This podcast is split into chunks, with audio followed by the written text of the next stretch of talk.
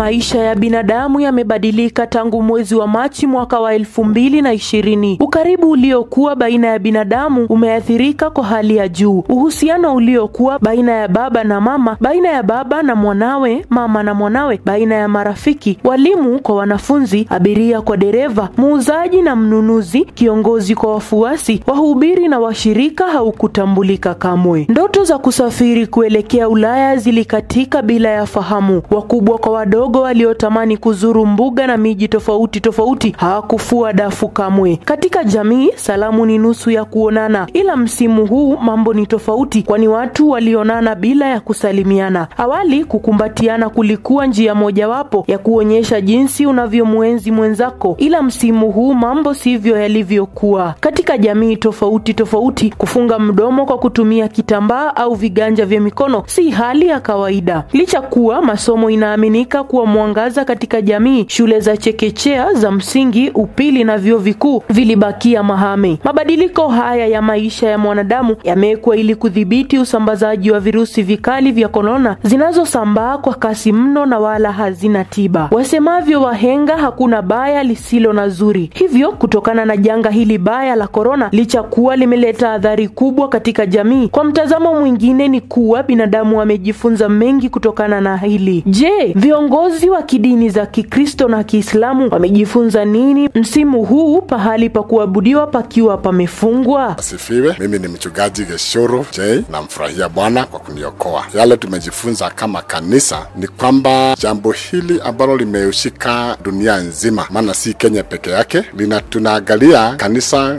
vile limekaa globally, maana kanisa haiko tu mahali, mahali moja. Kanisa pia haiko kwa dini fulani, kanisa liko katika dunia nzima, na tangu dunia iumbwe jawahi tokea janga kama hili lenye limeshika dunia nzima, na hivyo jambo hili limetufundisha kurudi katika maandiko na kuangalia ni mambo gani Mungu anahitaji katika kanisa lake. Vile vile tumeweza kuwaonyesha njia bandala ya matumizi ya simu mbeleni, kwamba jambo hilo la kutumia mtandao limetusaidia, maana wakati mwingine kulikuwa na mawazo kanisani, pengine mtu anaona mtu akitumia simu anaona kama sija nzuri na ili, lakini kwa sasa tumeona umuhimu wake, maana tumeweza kufikia washirika wetu na zaidi hata tumefikia watu ambao si wa kanisa letu. Tumekuja kupata sasa ni kana kwamba kanisa limepanuka.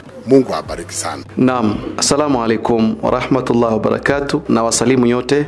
Mimi naitwa kwa majina Sheikh Omar Ali. Mimi ni imam msikiti wa Ongatarongai pahali panapoitwa Olekasasi Mosque. Nimeweza kujifunza kusema ukweli, e, naweza kuishi bila kusalimia mwenzangu wakati hasa wakati wa dharura, jambo linapotokea dharura na dharura ya hatari, kwa sababu hii tuliambiwa ni hatari, na tunaposikia kwamba hii ni ugonjwa hatari, unaua na unapatikana kwa kupitia kusalimiana eh, kwa mkono, ikawa sasa tukajifunza kwamba ninaweza kuishi bila kum, kumsalimia mwenzangu, ila naweza nikatumia kwa njia nyingine ya kuweza kumsalimia kumsalimia kwa mkono, kujilinda ama kuchunga ile hatari iliyoko. Kuna uhusiano fulani kati yako wewe kama kiongozi Ndiyo. ulikuwa naye na washirika wako ambao wakati janga lilipoanza uhusiano ule ulikatika ili kudhibiti maambukizi haya. mm. Wewe ulijifunza nini kutokana na kuvunjika kwa uhusiano huu? Kusema ukweli, uhusiano ulivunjika kwa sababu sasa imekuwa vigumu kuweza kuwafikia. Kwanza kati nijifunza ni kwamba nimekosa yani kuweza kuwafikia. Ilikuwa kulikuwa na uhusiano wa karibu, wakati ikifika wakati mfano wa ibada sala, ama wakati wa sala huwa tunapatana. Wakati huu sasa ikawa uhusiano tumekuwa mbali kwa mbali. Njia nyingine ya kuweza kuwafikia, tia simu, kuwapigia simu, ama kuingia katika mitandao ya kijamii, ukaweza kuweza kuzungumza pamoja, kujuliana hali Hebu wafanyi biashara nao watuonong'onezee walichojifunza baada ya usafiri na biashara mbalimbali kusitishwa. Kwa majina ni Cheli Sakumu, mwanabiashara wa Kajiado. Janga la korona ina changamoto na kuna mafunzo. Usafi imenifundisha usafi katika biashara. Utapata ya kwamba kila duka maji iwekwe, lazima unawe mkono. Usafi ilikuwa kitu cha maana zaidi. Kwa hivyo ingine ni kwamba ambayo nimeona kwa hii janga, inafaa mtu kama we ni biashara kama mimi ufanye kazi na uwe na akiba. Kula tano weka tano, usikule yote. Nimeona umuhimu wa mtandao, maana biashara mingi zilikuwa zinafanyika mtandaoni, maana kulikuwa na curfew na lockdown. Vitu vingi sana kama za duka kwa tunatumia mtandaoni ndio ziweze kufika, maana uwezi ukaondoka hapa uende mpaka Nairobi. Shule sasa zimebakia mahame. Vipi wanafunzi kwa walimu? I'm David from Kenyatta University, a second year student.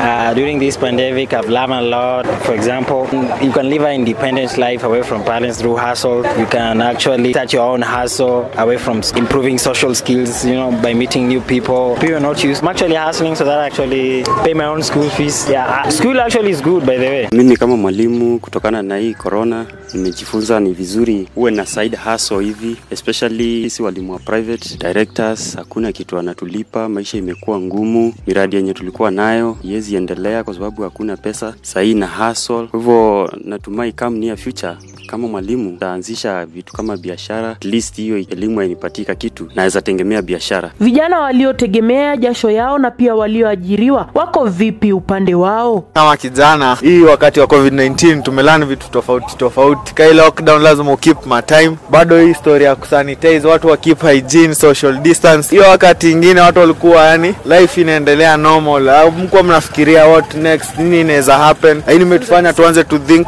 otherwise ama kuthink outside the box. Kiria kusave kuangalia kesho si same na leo kitu ingine inaweza- hapa pia tumejifunza kutotegemea one source of income ambayo hujui leo ama kesho itafall ama itaenda mrama. Kafi lazima uweke masaa lazima lazima ukeep time kwa sababu ukipatikana huku nje marungu ni moto moto. Ni kweli kwamba baya si haramu mjini. Nikiripotia 99.9 Bas Radio sauti ya Kajiado, jina langu ni Jacqueline Meyan.